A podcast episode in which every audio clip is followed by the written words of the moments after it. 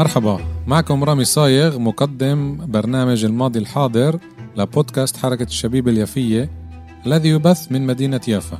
برنامج الماضي الحاضر سيشبك بين أحداث تاريخية وبين واقعنا الحالي الذي نعيشه بشكل خاص في البلاد وفي الوطن العربي بشكل عام.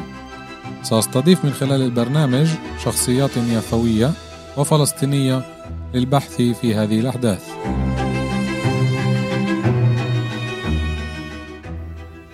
تحياتي مستمعاتنا ومستمعينا الكرام من جميع أنحاء العالم. حلقة جديدة من برنامج الماضي الحاضر من بودكاست حركة الشبيب اليافية الذي يبث من مدينة يافا. حلقتنا اليوم هي استضافة زميلنا يوسف عصفور الباحث ابن مدينة يافا.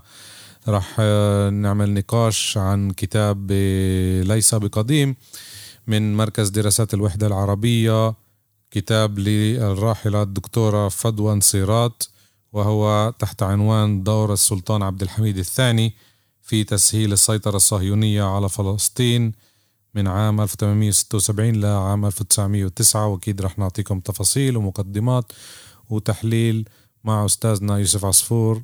أهلا وسهلا فيك أستاذي. أهلا وسهلا فيك وبالمستمعين شكرا لحضورك كمان اليوم. دائما بتغنينا بمعلوماتك وتحليلاتك. واليوم حبينا نستغل الفرصة لموضوع اللي أنا صراحة شبكته ما قبل حلقتنا اليوم لما بديت آه، أبحث عن القرى الفلسطينية المهجرة ما قبل النكبة وما قبل الانتداب الاحتلال البريطاني.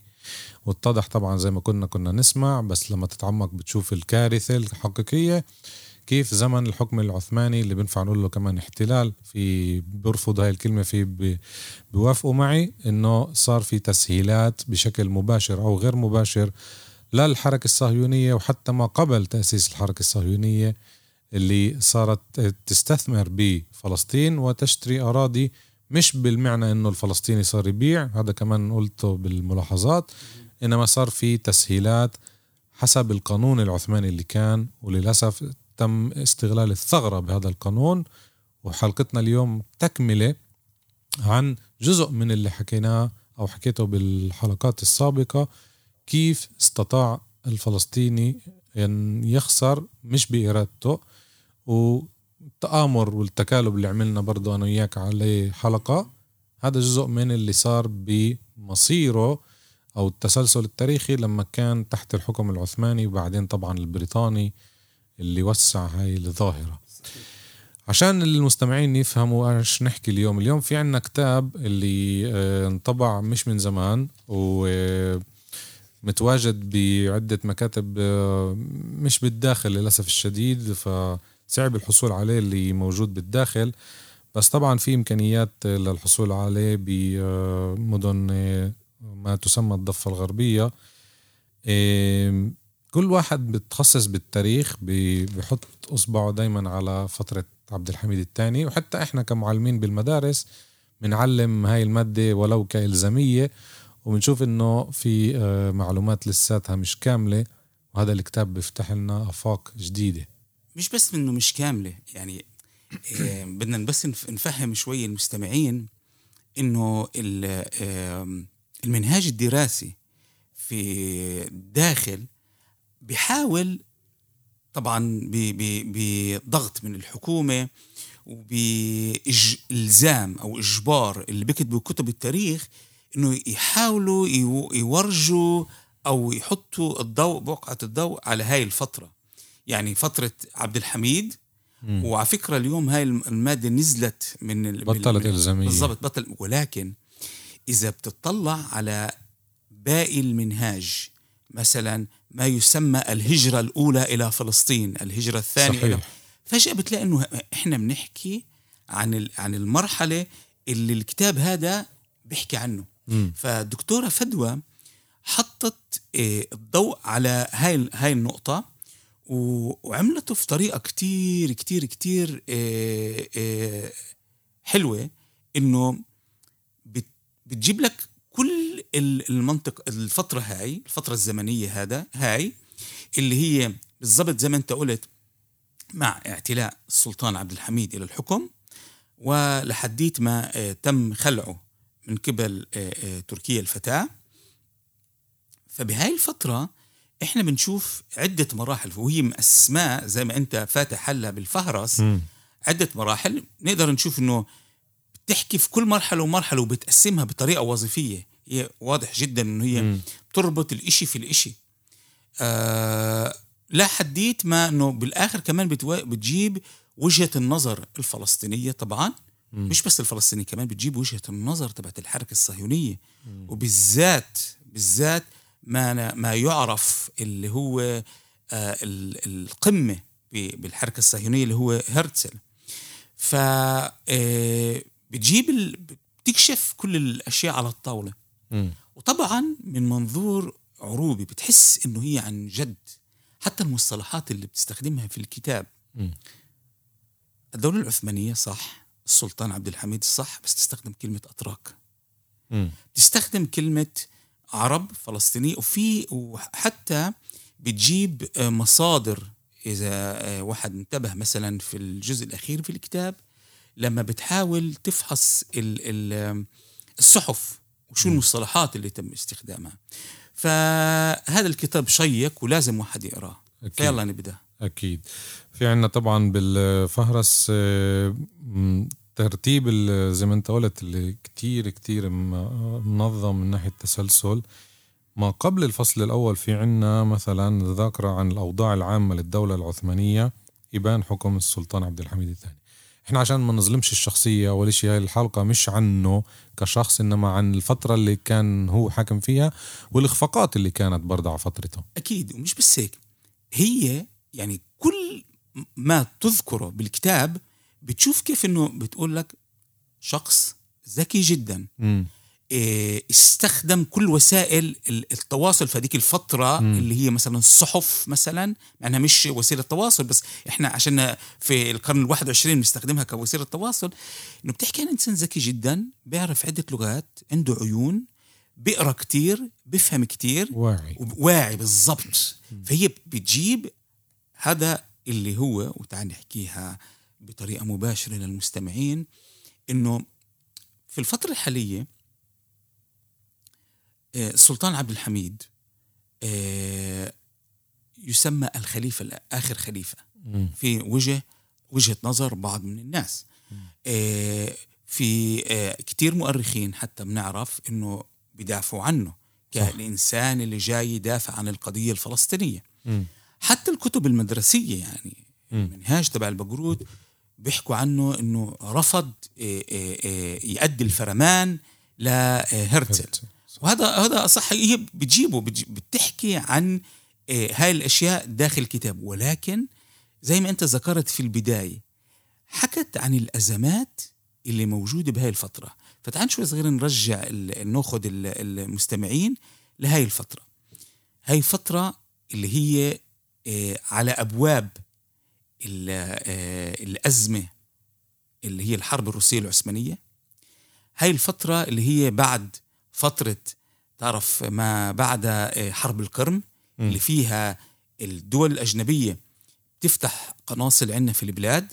و آه، آه، بصير الناس اللي برا الأجانب إلهم أكثر حقوق امتيازات بالضبط الامتيازات وهين تيجي النقطة اللي هي بتحط عليها الضوء اللي هي استغلال مم. الحركة الصهيونية لهاي النقطة. وعلى الرغم من إنه آه وهي بتحكي بتحكيها بشكل واضح في المقدمة وفي الفصل الأول وإلى آخره إنه السلطان عبد الحميد هذا هلا بدنا نحكي عنه كسياسي. مم. آه بدنا نحكي عنه كسياسي وهي بتجيبه كسياسي. ما بتجيبه زي ما موجود عند الناس إنه واو صاحب فكرة الجامعة الإسلامية. مم. أو آه آه، هذا السلطان المجدد مثلا.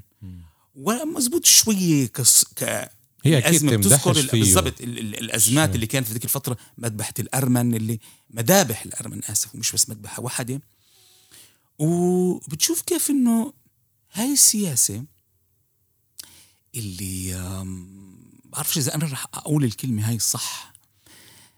في الحربايه اللي بتغير ألوان. مم. مم. إنه كل مرة في لون حسب الظروف. حسب الظروف بالضبط. إنه إنه إنه إيه، يفهمني المستمع إنه مش قصدي إيه، أهينه للسلطان عبد الحميد بس إنه في ظروف تيجي بتقول لك آه في ظروف. يعني يعني شوي صغيرة إيه، نذكر الوضع.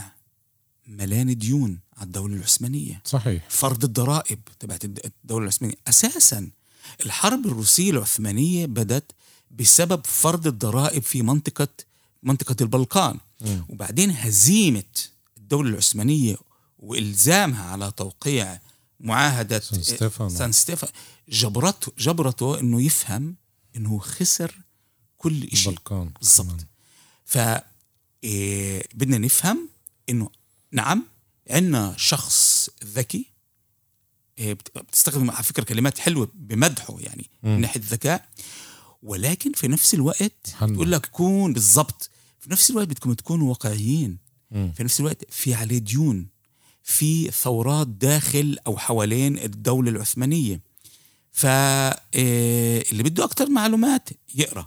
أكيد. فضل. إحنا بس عشان نحط النقاط على الحروف لما بفوت على الحكم طبعا 1876 إيه، بيكون في إيه، شروط عليه من قبل العثمانيين الجدد إنه لازم توافق على دستور مدحت باشا وطبعا برلمان وكل هاي الأمور. وبعد سنة بيتم الغائه من قبل السلطان عبد الحميد. هي مش ذاكرة طبعا كل هذا التسلسل بس عشان نحط الناس بالمستمعين بالصورة كيف أخذ دولة إيه كمان فيها مشاكل داخلية سياسيا في معارضة داخلية مش بس معارضة البلقان اللا عثمانيين اللي بدهم يتحرروا زي اليونان اللي تحررت سنة السنوات العشرين من القرن التسعة عشر إنه في عندنا مشاكل داخلية داخل الأتراك نفسهم إذا بنفع نقول. واللي أنت قلته الديون على فكرة وصلت لمئات ملايين ال الستيرلينج آه, آه بالضبط.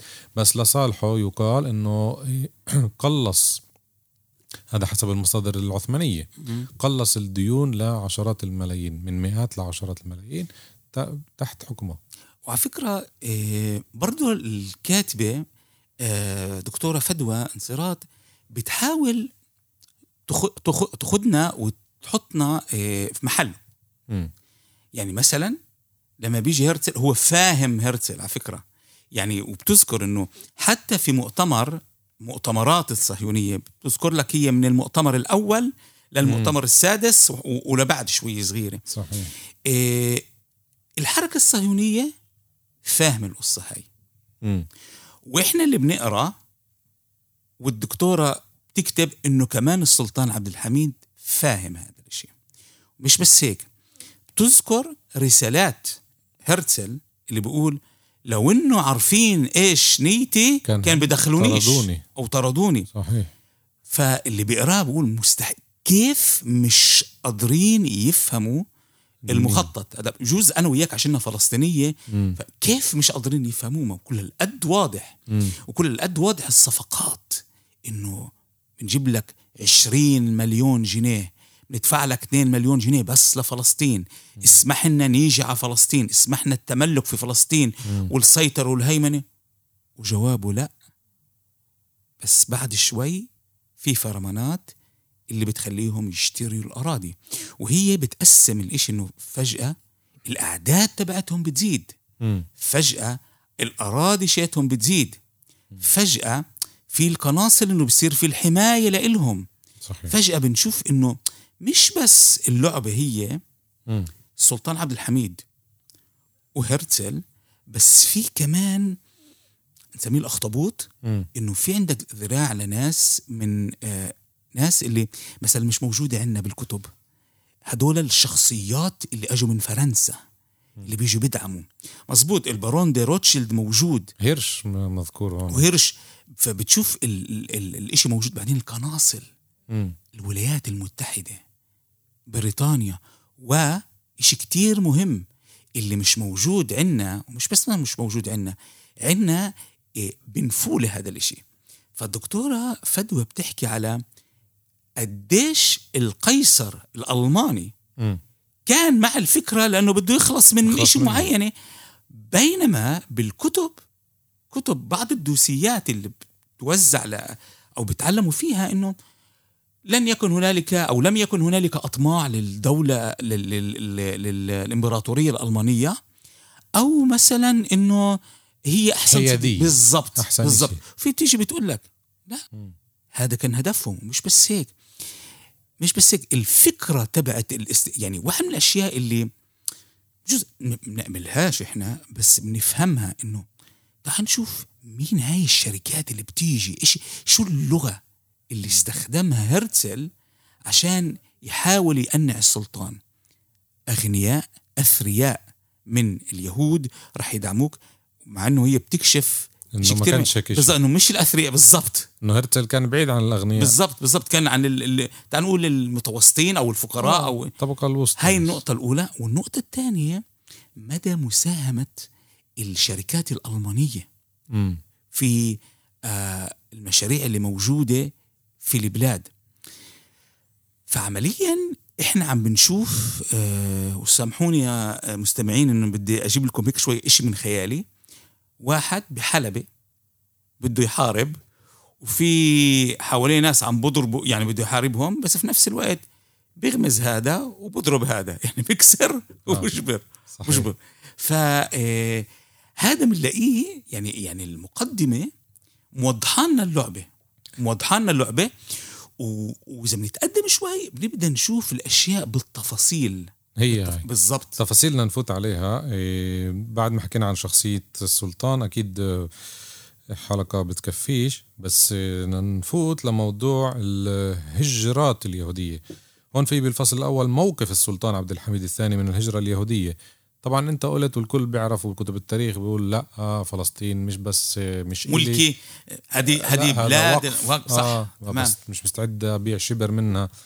بس من ناحية تانية زي ما انت قلت بغمض عين على الهجرات صح. اللي صارت. فايش بنشوف؟ بنشوف هيك في عندنا مصطلح أنا ضد هجرة اليهود إلى فلسطين بس تعالوا كأفراد. كحجاج. تعالوا كأفراد آه. كحجاج. وتفوتوش القدس وخذوا بالضبط عندهم البطاقة الحمراء آه، أيوة. تقعد ثلاث أشهر بس ممنوع تتملك و... وإلى آخره. ف يعني السياسة مش واضحة. بالضبط السياسة مش مش واضحة.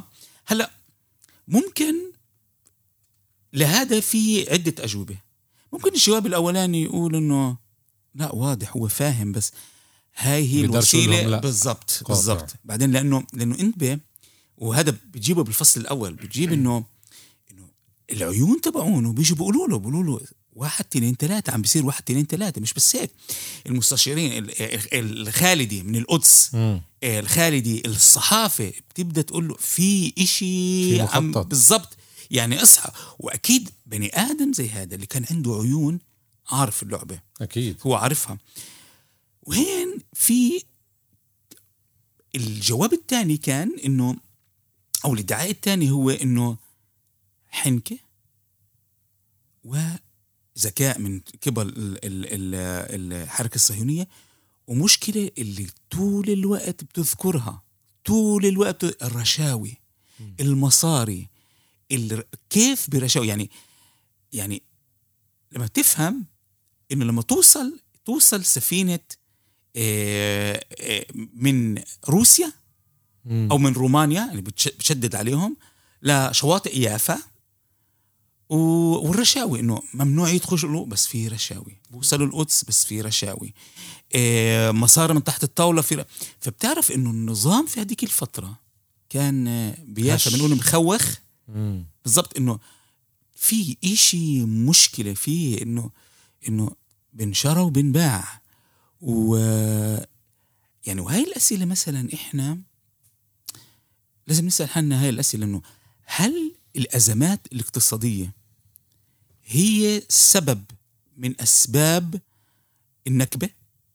أو هل الأوضاع اللي إحنا عايشينها في العالم العربي والأسباب الأشياء الموجودة هي أسباب اقتصادية.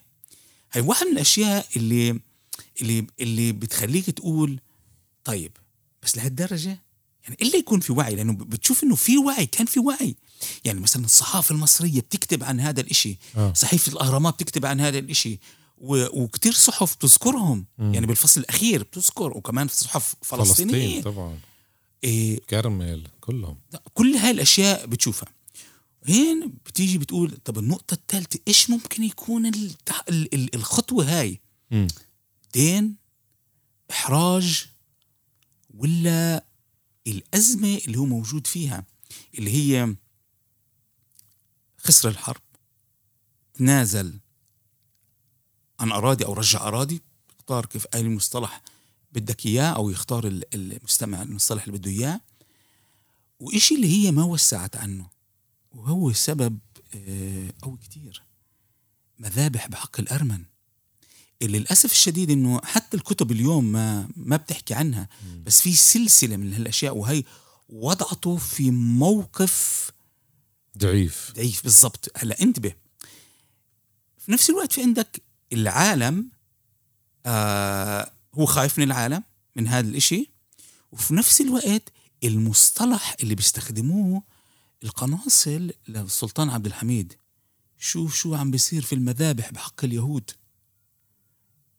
في تذكر هي مذابح بحق اليهود إنه في مقطع فيه إنه كيف بيجوا ناس بح- بحد من إنه بيجوا بيسكنوا في حيفا أو في أراضي إنه أجوا هاربين من روسيا. مم. لاجئين. بالضبط اللي بيلعبوا على الوتر العاطفي. في ثلاث الأشياء اللي ذكرناهم هاي إنه أزمة اقتصادية واقع مرير وضعف الدولة العثمانية. الثلاث أزمات هاي ساهمت بأنه إحنا نتعصبن أو نغضب عليه أنه طيب ليه ما كنتش حازم للنهاية؟ مم. ليش مش للنهاية؟ لأنه هو بالآخر سلطان صحيح. بالضبط. إحنا من من بعيد بنقول في قانون الامتيازات 1869 قبل ما أنت تكون بالحكم. بكونك سلطان بعرفش إيش كانت القوانين العثمانية وقتها يمكن كان للسلطان محدودية كمان. بلكي ما كان لوش محدودية وقدر يلغي هذا القانون. ساعتها بوجعش راسه بقطع المشكلة من ساسها. يعني هذا القانون أنا حاسه هو كان القيود تبعته هو السلاسل تبعته. هو قانون الامتيازات. اللي عليه صاروا يستغلوا الحركات الصهيونية الاستغلال هذا والشراء.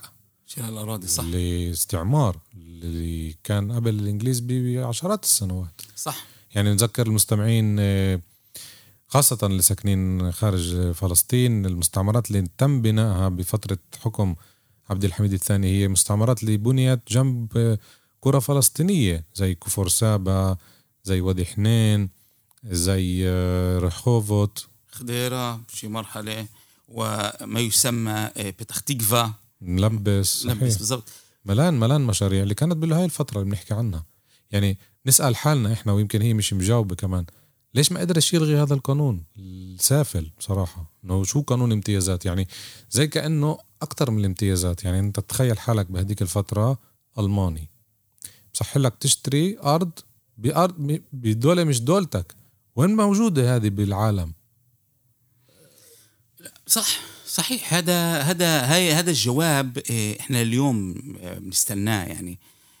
وهذا بس بوحي لنا إنه عمليا آه، النكبة ما بتبدأ أكيد 48 هذا ولا الهدف. بتبدأ نعرف إنه الأساس نبدا. نبدأ ب ب آه، نكبات. القرن القرن التاسع عشر يعني صحيح آه، القرن التاسع عشر آه، له دوره له دوره ال- ال- التوغل الأجنبي هذا إلزامه قانون الامتيازات آه، طبعا الأزمات اللي ذكرناها بتأدي ل ل لسلطان إنه يستخدم هاي السياسة يصير سياسة. عاجز مش. بس يستخدم عاجز ومش بس عاجز إنه آه ولا يعني مم. يعني بتشوف بتشوف مثلا آه الرفض التام إنه يؤدي الفرمان إنه هاي آه، آه، دولة آه، فلسطين لازم تكون لليهود ثاني يوم يجوا ضده يقولوا له إلغي الفرمان مثلا يعني كان في شد و... شد بالضبط. بالضبط يعني. هي بتذكرها إنه وين شعرة معاوية؟ أيوه. وين- اللي هي شعرة معاوية؟ إيه وعلى فكرة هذا هذا هاي الأشياء بنبدأ نفهمها إحنا كفلسطينية من المؤسسات اللي بتحكي عنها إيه، دكتورة فدوى. يعني هم يستغ... أول شيء شراء أول شيء زاد عددهم. اثنين اشتروا أراضي. النقطة الثالثة هي المؤسسات. المؤسسات اللي بتبدأ ت- صحيح. والمؤسسات اللي بتشتري آه، أراضي زي آه، صندوق إسرائيل صندوق آه، بسموها بالظبط إيكا. أو أو كان كيامت. اللي بيشتروا الأراضي هاي وفقط زي ما أنت قلت قبل شوي هي ملكية اليهود ومش كل واحد بده يشتريها. فهاي هاي هاي الأشياء اللي بتس بتخليك تسأل حالك سؤال لهالدرجه ما ما فهموا القصة؟ لهالدرجة. هلا وين الحلو إنه إنه بجوز أنا ظالم المجتمع مش مش عبد الح... عبد الح... إيه، سلطان عبد الحميد لأنه في عقاب في في في أجوبة لازم يدينا إياها سلطان عبد الحميد مش مدينا إياها بسياسته هاي. ولكن بنبدا نشوف كيف إنه الشارع العربي بيقوم ضد يعني مثلا في ملبس أول مواجهات بين الفلاحين والبدو ضد المهاجرين اليهود وعلى فكرة آه قصدك بفلسطين آه مش آه بسوريا آه لا لا بفلسطين. وعلى فكرة ال ال في الأدب العبري اللي يعلم داخل المدارس العربية إنه بيحكوك على خصام بين البدو وبين الفلاحين. وهين دكتورة فدوى بتقول لك لا الفلاحين والبدو حاربوا في ملبس هاي الظاهرة.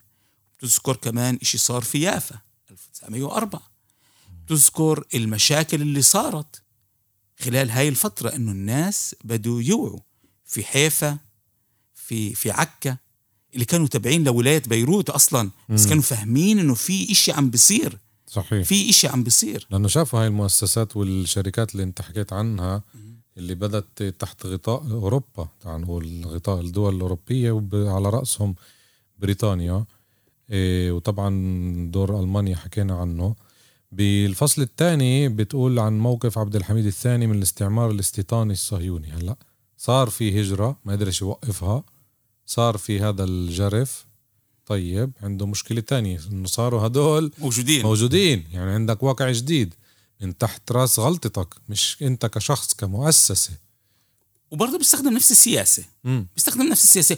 أوكي هلا بيجوا هلا بيصيروا عثمانيين وبيكونوا جزء من الجيش العثماني وبيدفعوا ضرائب. صحيح. أو يعني بالبداية يعني بتشوف التسلسل. لا. بعدين بدخلوا للأماكن المقدسة بس كأفراد. بعدين باخذوا البطاقة الحمراء.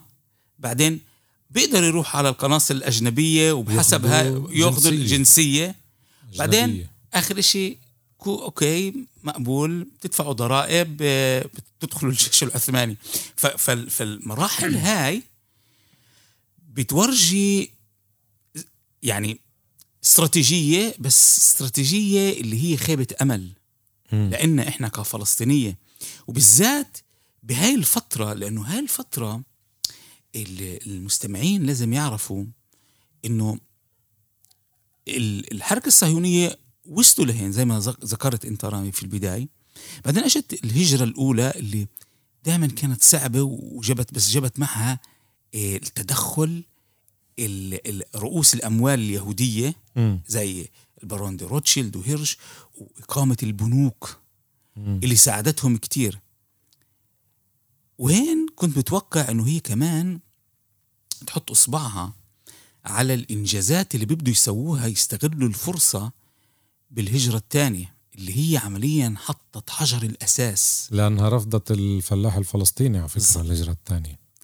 وهي يعني اللي طردت بالضبط طردت الفلاح الفلسطيني. يعني عشان نفهم نفهم المستمعين إنه الهجرة الأولى تقريبا كانت راح كانت لها كثير كانت كثير صعبه فس فاستغلوا فقر والضرائب اللي, اللي فرضها السلطان عبد الحميد على الفلاح الفلسطيني م. إنه ينجبر يشتغل في أراضي تانية أو يبيع أرضه. آه. وبس مش يبيع أرضه لل... لل... لل... لل... للمستوطنين. ف بالهجرة الثانية عمليا بيستغلوا إنه في إحنا عارفين إنه في أزمة عند الفلسطينية عند الفلاح الفلسطيني. تعال نعمل إشي اسمه عمل عبري اللغة العبرية اللي بيبدوها بالهجرة الأولى الحراسة العبرية إقامة هاي الكيبوتسات اللي بتفصل لك إياها بالضبط. تشرح قديش في مستوطنات مستعمرات بستخدم كلمة مستعمرات. إيه انبنت داخل فلسطين بفترة حكم السلطان عبد الحميد اللي بالنسبة لكتير ناس آه، أتباع مثلا التيار الديني اللي بيشوفوه كخليفة آخر خليفة المسلمين وإنه هو آه، دافع عن فلسطين. فليش هذا الكم المهول المهول جدا من المستعمرات اللي كانوا في في في فلسطين وال وال وال, وال آه إنه مش بس يعني ممكن ممكن تشغل أنت الرأس الإنساني تبعك تقول أوكي م. يجوز السلطان عبد الحميد آه، فهم إنه عم بيصير مذابح منظمة بحق يهود الروس فجأة. دخل دخل. بس فجأة في عندك روس عندك رومان عندك إنجليز عندك فرنسوية عندك في في شيء غلط. م. فبالآخر هي بتربطه للعامل الاقتصادي إنه الحركة الصهيونية بقيادة هرتزل بعدين بقيادة نوردو بتجيب لك بتفهمك بالضبط إنه فاهمين اللعبة. لدرجة انتبه. إنه واحد يعني كل وقت بتقول مؤتمر بال هو بازل. بازل. آه. فبتشوف المؤتمر الأول ببازل مؤتمرات ببلاد برا وفي مؤتمر بنعمل في زمارين. امم صحيح هذا بز... بيعملوه مرة وخلص بيصير في خطر عليهم. ب... بالضبط إنه لأنه لسه كان يعني إفهم في شيء في شيء غلط هين عم بيصير بس مم. يعني إنه أنت تسترجي مم. تيجي على زمارين على وسط فلسطين يعني بين يافا وبين يافا وحيفا. وتعمل هذا الإشي؟ مم. استنى شوي صغيرة. في هنا إشي اللي انت أنت مش بس تجاوزت الخطوط الحمر يعني مم. يعني اللي كان ممنوع صار مسموح. اللي كان آه، خطر صار مباح. وفي النهاية إنه قدروا يسووا طبعا بيبدا بيبدا الوعي بس في نفس الوقت ممكن يجي يقولوا لنا إنه طلع آه، كان في فديك الفترة محاولة انقلاب ضده أو أو في أزمات. بغض النظر بغض النظر القائد القائد مش مهم وين لازم يكون له مواقف. لازم ينزل يعني يفهم الناس شو بدها. لأنه في نهاية المطاف في نهاية المطاف لولا السماح لا السلطان عبد الحميد بدخول الحركة الصهيونية للبلاد كان ما بعرف إذا تحقق الحلم الصهيوني بس بس هو عمليا عم بحق يعني بطريقة غير مباشرة بقراراته بقراراته ومش مهم شو الظروف اللي كانت أدت إلى تحقيق الأهداف اللي وضعتها مثلا الحركة الصهيونية الكلاسيكية والحركة الصهيونية الفعالية والسياسية اللي بتقول ما بكفيش الفكر الروحاني إنه تكون دوله لازم نطبع عرض الواقع. آه هذا اللي انتقدوه لهرتزل هجرات عندك مم. محبي صهيون والبيلو وصلوا البلاد. عندك الاستيطان. وعندك ال ال ال ال المحلات اللي اللي سكنوا فيها. يعني مثلا يجوز بشي مرحلة من المراحل تقول إنه إيه إذا بناخذ الدولة العثمانية مثلا الأرمن كانوا عايشين في منطقة معينة. جزء من الدولة العثمانية. بالضبط. كانوا عايشين في منطقة كانوا معينة. كمان بإسطنبول. في مح... هين أنت بتبدأ تشوف مستوطنات حوالين يعني كيف قسمتها هي. حوالين يافا و... وملبس بتختيقفا قضاء يافا. عندك في منطقة القدس وحوالين القدس عندك قضاء حيفا صفد الناصر ومش بس هيك هي كمان بتكشف إنه قدروا يوصلوا حاولوا يوصلوا ل إيه، للبنان لبنان. منطقة لبنان إنه حتى لو سكروا مينا يافا كان يجوك عن طريق مينا, مينا بيروت وإذا سكرت مينا بيروت بيجوك عن طريق مصر وإذا ف... فكان في الإشي مدروس. هذا التسلسل التس... المتسللين. بالضبط. ومش بس هيك إنه إنه في نهاية حتى المتسللين. لأنه إحنا قلنا ذكرنا إحنا المراحل إنه لا بس حجاج بطاقه حمراء وفي المتسللين يعني ما هو مش أنت عندك عيون مش أنت بتعرف كل شيء واضح جدا إنه كان يعرف كتير أشياء. وتم تأسيس شركات يعني الشيء مش سري بالضبط بالضبط بالضبط بالضبط بالضبط. هي. بس عشان نوضح في جدول هنا كتير توضيحي بس فيه غلطة اللي اكتشفتها أستاذ يوسف قبل شوي. انه ذاكر إنه المنشية هي مستعمرة طبعا المنشية اللي بيافا هي حارة من حارات يافا بشمال يافا وهي خطأ منها طبعا وكمان خطأ صغير. إنه لما حكت آه، عن آه، ملا- آه، ما يسمى مستعمرة بتخ كتبت آه، منطقة آه، ملبس ومنطقة الخديرة الخديرة بعيدة عنها. لا هي بتختقفا ر- ملبس راس العين. راس العين. بس تعال فرجيك. كاتبة. آه بس إذا أنت بتطلع. بصفحة 114 عندنا الجدول. إيه بس للي آه، بيعرف هاي المصطلحات. صفحة 187 مهم. فبجوز يكون خطأ أو بيكون لأنه في إيه ملبس والفجة كان ال- هيدي ال- هاي المناطق. استعمرت آه. بتختقفا ففي واضح جدا إنه آه ذكري قرية ملبس والخضيرة. يعني يمكن عشان بعد ملبس. خضيرة بتيجي شمال شمال ملبس. شمال شمال آه، في طلع هنا معلومات آه، أكيد قيمة. قيمة. مثلا مكفي إسرائيل على فكرة كنت فيها قبل سنة هاي المدرسة الزراعية اللي كانت ما قبل الصهيونية. صح. هاي بنفع الواحد يعمل ربع حلقة عنها. سنة 1870 هاي على أراضي يزور مش بس هيك انت شوف كيف استخدموا انت حكيت عنها عن المدرسة هاي الزراعية اللي بيبدوا يفتحوها إنه كيف لما هم استقبلوا القيصر الألماني هذا كيف- 1896 آه بس بالمدرسة هاي بالمدرسة، بالمدرسة هاي أكيد. كيف آه. غنوا له بالألماني آه. ودعموه عشان يكونوا جزء مم. من الحماية صحيح. فالاستراتيجية اللي استخدموها عشان هيك دف... إيه مع إنها مدرسة فرنسية آه بس انت شوف كيف إنه هم حاولوا إنه ياخذوا مش بس هجرة وأراضي وشركات وبنوك كمان نظام نظام تعليمي خاص فيهم. مم. بس هذا النظام التعليمي هو عمل الهوية أول هوية تبعتهم.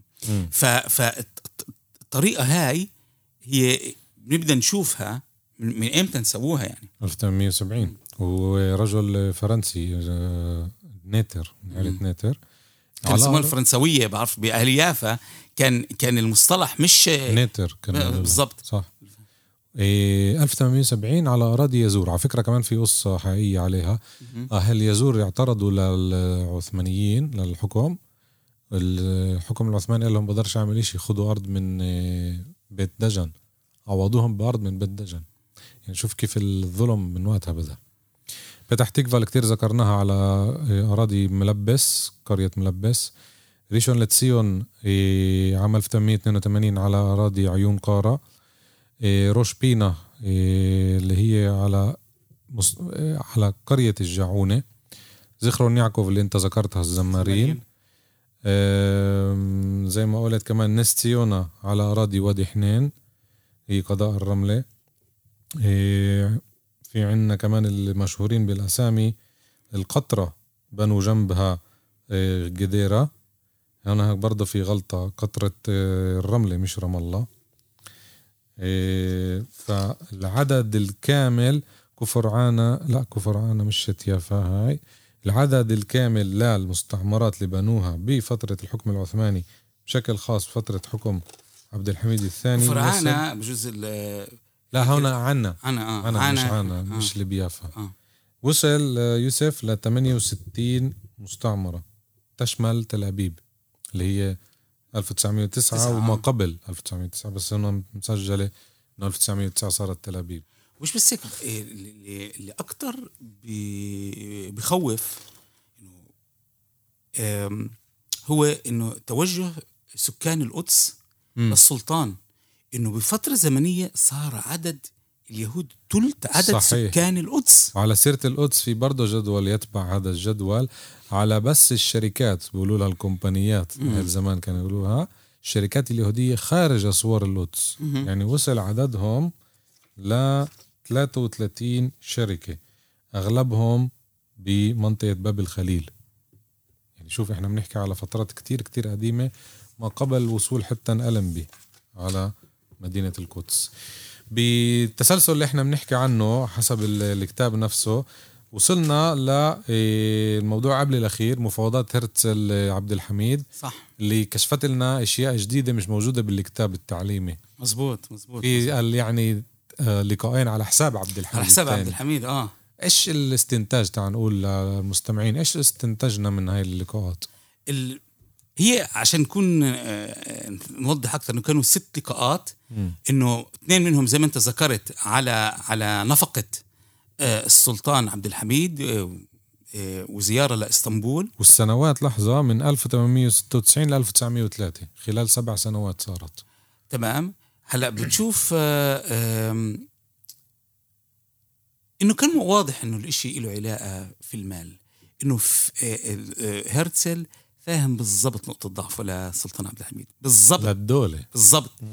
والعروض العروض اللي اللي اغراءات الإغراءات ومش بس هيك الكذبة إنه أنا بجيب لك عائلات الأغنياء الأثرياء اللي بالآخر بتكتشف ان الدكتور هي ضده كانت بالضبط.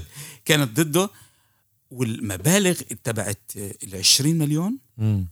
للدولة. 2 مليون بيجوا لفلسطين ومش بس هيك إنه اليهود سكان فلسطين رح يدفعوا ضرائب أكتر من السكان المحليين. العرض مغري كتير. هلا قدر السلطان من أول مرة يقول لا؟ وهن في الحلقة اللي هي الميسنج ليش كمل؟ مش بس لسك... ليه عزمته؟ مرتين إيش عندك. ليش جبته مرتين على حسابك؟ صح. إذا أنت وضعك كل قد صعب. يعني مزبوط فهاي الأسئلة بت بتحطك في في في نقطة اللي هذا الجواب رح يكون شوية آه، آه، صارخ بوجه الناس اللي بيجي بيقولوا إنه الثورة العربية الكبرى الخيانة العربية خان السلطان عبد الحميد و مين خان؟ مين خان؟ مين جاب هرتزل؟ مين آه م- يعني ما مزبوط ما يعني ليه ما جاوبته من اللقاء الأول؟ ليه كان لازم يبعت المندوب عنه و- و- ومندوب عن آه، قناصل أخرى يقولوا له؟ ليه الست لقاءات؟ وليه على مدار أنت قلت سبع سنين هم إذا بتحسبهم صح هم ست سنين. يعني هذا إشي يعني يعني أقول لك شيء أول بداية الحكي تبعنا حكينا عن دستور مدحت باشا إنه السنة أقل من سنة وأعدمهم. ما قدر يقول لا. هذا اللي قلت لك عن قانون الامتيازات. ما قدرش يشطبه. بالضبط هاي النقطة الثانية، النقطة الثالثة إنه ما قدر يقول لا لأنه هرتزل في النهاية لا يمثل الإمبراطورية الفرنسية ولا الإمبراطورية البريطانية ولا النمساوية ولا الروسية. مش مندوب حدا. بز... مندوب كيف حاله. بز... كيف أعطيته قيمة. بالضبط. صح. بالضبط. وال... واللي أكتر بضايق ورح يضايق الم... اللي رح يقرأ الكتاب أجوبة هرتزل لو هو عرف إيش بسوي كان ما كان دخلنيش. نفاني آه، قرب. هي قر- قري إحنا قريبين إنه إن ننجز إيش بدنا. إيه هذا ال- الاستهزاء وال من قبل هرتزل وال وال وال وال تتوقع من رجل ذكي جدا يعني زي السلطان عبد الحميد إنه يقول كلمة يقول لأ هلأ هو ما أدى الفرمان يعني بتشوف كيف إنه في النهاية هو ما أدى ال- الفرمان ولكن يعني زي ما أجي أقول أحط على باب بيت شارة بالخط الأحمر اللي ممنوع الدخول ممنوع. بس أفتح الشبابيك وشباك من ورا. وباب من ورا ففي في إشي هين اللي اخفاق هذا فعشان هيك. يا يعني هي بتحاول تقول إيه، وهذا تحليل لها حرام إنه هي مش موجودة بس يعني يا ريت يعني لو إنه في واحد قعد معها وقراها أو حكى معها بتحاول تقول اوعى تفكر يا عربي إنه أنت خاين. أنت إيه، أو يا فلسطين أنت مش خاين. أنت مش خاين. مش بس هي مش بس هي. طلع. إيه كمان اللي كتب عن هذيك الفترة يعني مثلا حتى صار إنه ننط آه، آه. لكتاب آخر. يعني إذا إحنا بنقرأ كتاب آه، سليم تماري عام الجراد برضه بيحكي. فيه إنه لا ما في مين قال مش بس هيك هي حتى هي بتجيب لك ببداية يعني الفصل موقف العرب. إنه صار إنه بنط على الاخ الفصل هاي إنه بتقول مين اللي باع؟ سرسك مش, مش فلسطيني. أعيان كانوا ناس لبناني. أجانب أو ناس لبنانيين بس مش فلسطينية. يعني يعني يعني في هين إشي اللي كتير كتير مهم للعالم العربي يفهموا أو أو يستوعبوا إنه الإشي مش فيش عندنا السلفادوري إنه هو اجى حاول ينقذ فلسطين. تعرف ليه؟ لأنه بكل الحياة تبعتنا بأي موضوع إيش ما كان سياسي مش سياسي. دائما بحطوك تحت أمر الواقع. يا أبيض يا أسود. هنا أنت اللي قلته إنه إحنا العرب مش خونه صحيح. بس بهديك الفترة كان لك يا عبد الحميد يا مين؟ شريف حسين. مم. ما كان لكش وسط. شريف حسين شفنا إيش بالآخر صار باولاده مزبوط مزبوط بس بس برضه برضه يعني يعني حتى حتى بهاي الفترة يعني ضروري جدا نفهم إيه، إيه، يعني نعيشها. نعيشها. خيبة أمل عنا يعني أكيد. بتشوف كيف آه، آه، رد فعل العرب إنه هم فاهمين. ومش بس عرب فلسطين. كله السوري سوريا واللبناني ومصر والمصري. و- و- و- ولبنان لبنان. والفلسطينية وأهل القدس وأهل يافا وأهل حيفا. فاهمين القصة هاي. فاهمين هاي القصة. وما ما, كانش في فرمان ما في فرمان بس عم بيزيد الاستيطان يعني هي بتستخدم أرقام يعني فجأة من صفر فاصلة إشي ل واحد بالمية ثلاثة بالمية. وبعدين بالضبط بالضبط. ف قبل ما نلوم الإنجليز أكيد. الاحتلال البريطاني. اللي اجى على الجاهز. جاهز إنه في إشي في إشي كان غلط هين. ومش دفاعا عن الإنجليز ومش- اللي بسمعنا. آه، إحنا بنقول إنه اجى لا، لا. الإنجليز آه، على البلد المستريح الانجليزي اجى ومش بس هيك دائما كان في ال- المقولة هاي انه انه إنه هرتزل هلا هلا هلا بدي أحكيك ال ال ال ال ال الرسالة تبعت المدارس العبرية إنه هرتزل مات فكرته لا. وفكر ضلتها وتحققت بوعد بلفور بس اللي بيقرأ هذا الكتاب بيعرف إنه قبل بلفور قبل بلفور الدول العظمى وموافقة السلطان عبد الحميد عمليا. تغلغل. بالضبط إنه سهلوا أو مهدوا الطريق للاعتراف الدولي هذا مم. في آه، في في في بيت القوم اليهودي أو الوطن اليهودي أو مم. بشكل غير مباشر. صح. إيه كثير ذكرنا عن ال- آه، المعارضة العربية بس للأمانة نعرف إنه صحيفة الكرمل هي أول صحيفة ذكرت هذا الموضوع بحيفا. لأنها كانت قبل فلسطين. قبل آه فلسطين كانت قبل فلسطين صحيح. آه. بعدين لما فلسطين عيسى العيسى ودار العيسى بلشوا يكتبوا برضه. كان في. مزبوط مزبوط كان في حتى. مصر على فكرة. مصر مصر بتشوف كيف إنه في الأهرام. وفي كمان كمان كم من صحيفة بيذكروها وحتى بيستخدموا مصطلح الإسرائيليين. صح. آه، الاسرائيليين صحيح. لأنه لأنه واضح إنه فاهمين القصة. ف واضح إنه كان في وعي. وهذا هذا دائما بيخليني وهلا الفلسطينية اللي حوالي أو اللي بيستمعونا ب راح يسألوا حالهم هذا السؤال إنه وال يعني قديش أخذ لنا وقت نفهم مية بالمية؟ يعني كنا واعيين بس بس ليش الإشي ما قدر يوصل لكل الناس؟ ليه ليه الإشي ما قدر يكون بارز وواضح في الشوارع؟ على ممكن يجي مؤرخ آخر ويقول اسمع في مصطلح اسمه الفترة. بهذيك الفترة تنساش كان في ثورة تركيا الفتاة أو بهذيك الفترة كان في أزمة اقتصادية أو السلطان عبد الحميد آه، ما باع بالنهاية وشفت كيف إنه ما وافق وعشان وبغض هيك النظر. و و و و إلى آخره لدرجة إنه بتصير تربط النكبة وال- والطرد من البلاد بهذيك الفترة أكيد هذا الهدف إنه- إنه- نسلط الضوء بتشوف كيف انه وال يا الله كيف الإشي اجى هيك وكيف تبلور. يعني زي زي بال بالأفلام إنه تخطيط تطبيق. يجي وشوي شوي شوي وبالآخر بطردك. يعني ال ال اللي بنحكيها للأولاد خذوا مثلا واحد اجى على بيتكم استقبلتوه دخلتوه الأوضة وشوي شوي. بس هذا اللي صار. هذا اللي صار صحيح. هذا اللي صار. مش خود مثل هذا اللي صار. هذا اللي صار أكيد. لا يمل أستاذ يوسف عصفور الباحث آه، من مدينة يافا. شكرا كتير لوقتك. شكرا لحسن استماعكم.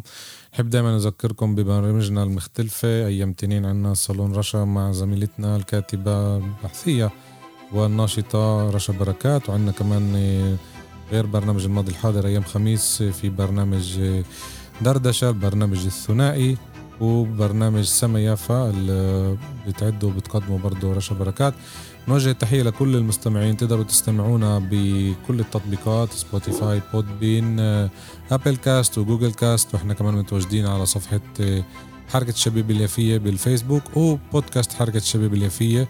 دايما إحنا مستعدين لاستماع ملاحظاتكم. وبنكبر فيكم وشكرا كتير لحسن استماعكم. نلتقي في حلقة جديدة. الله معكم.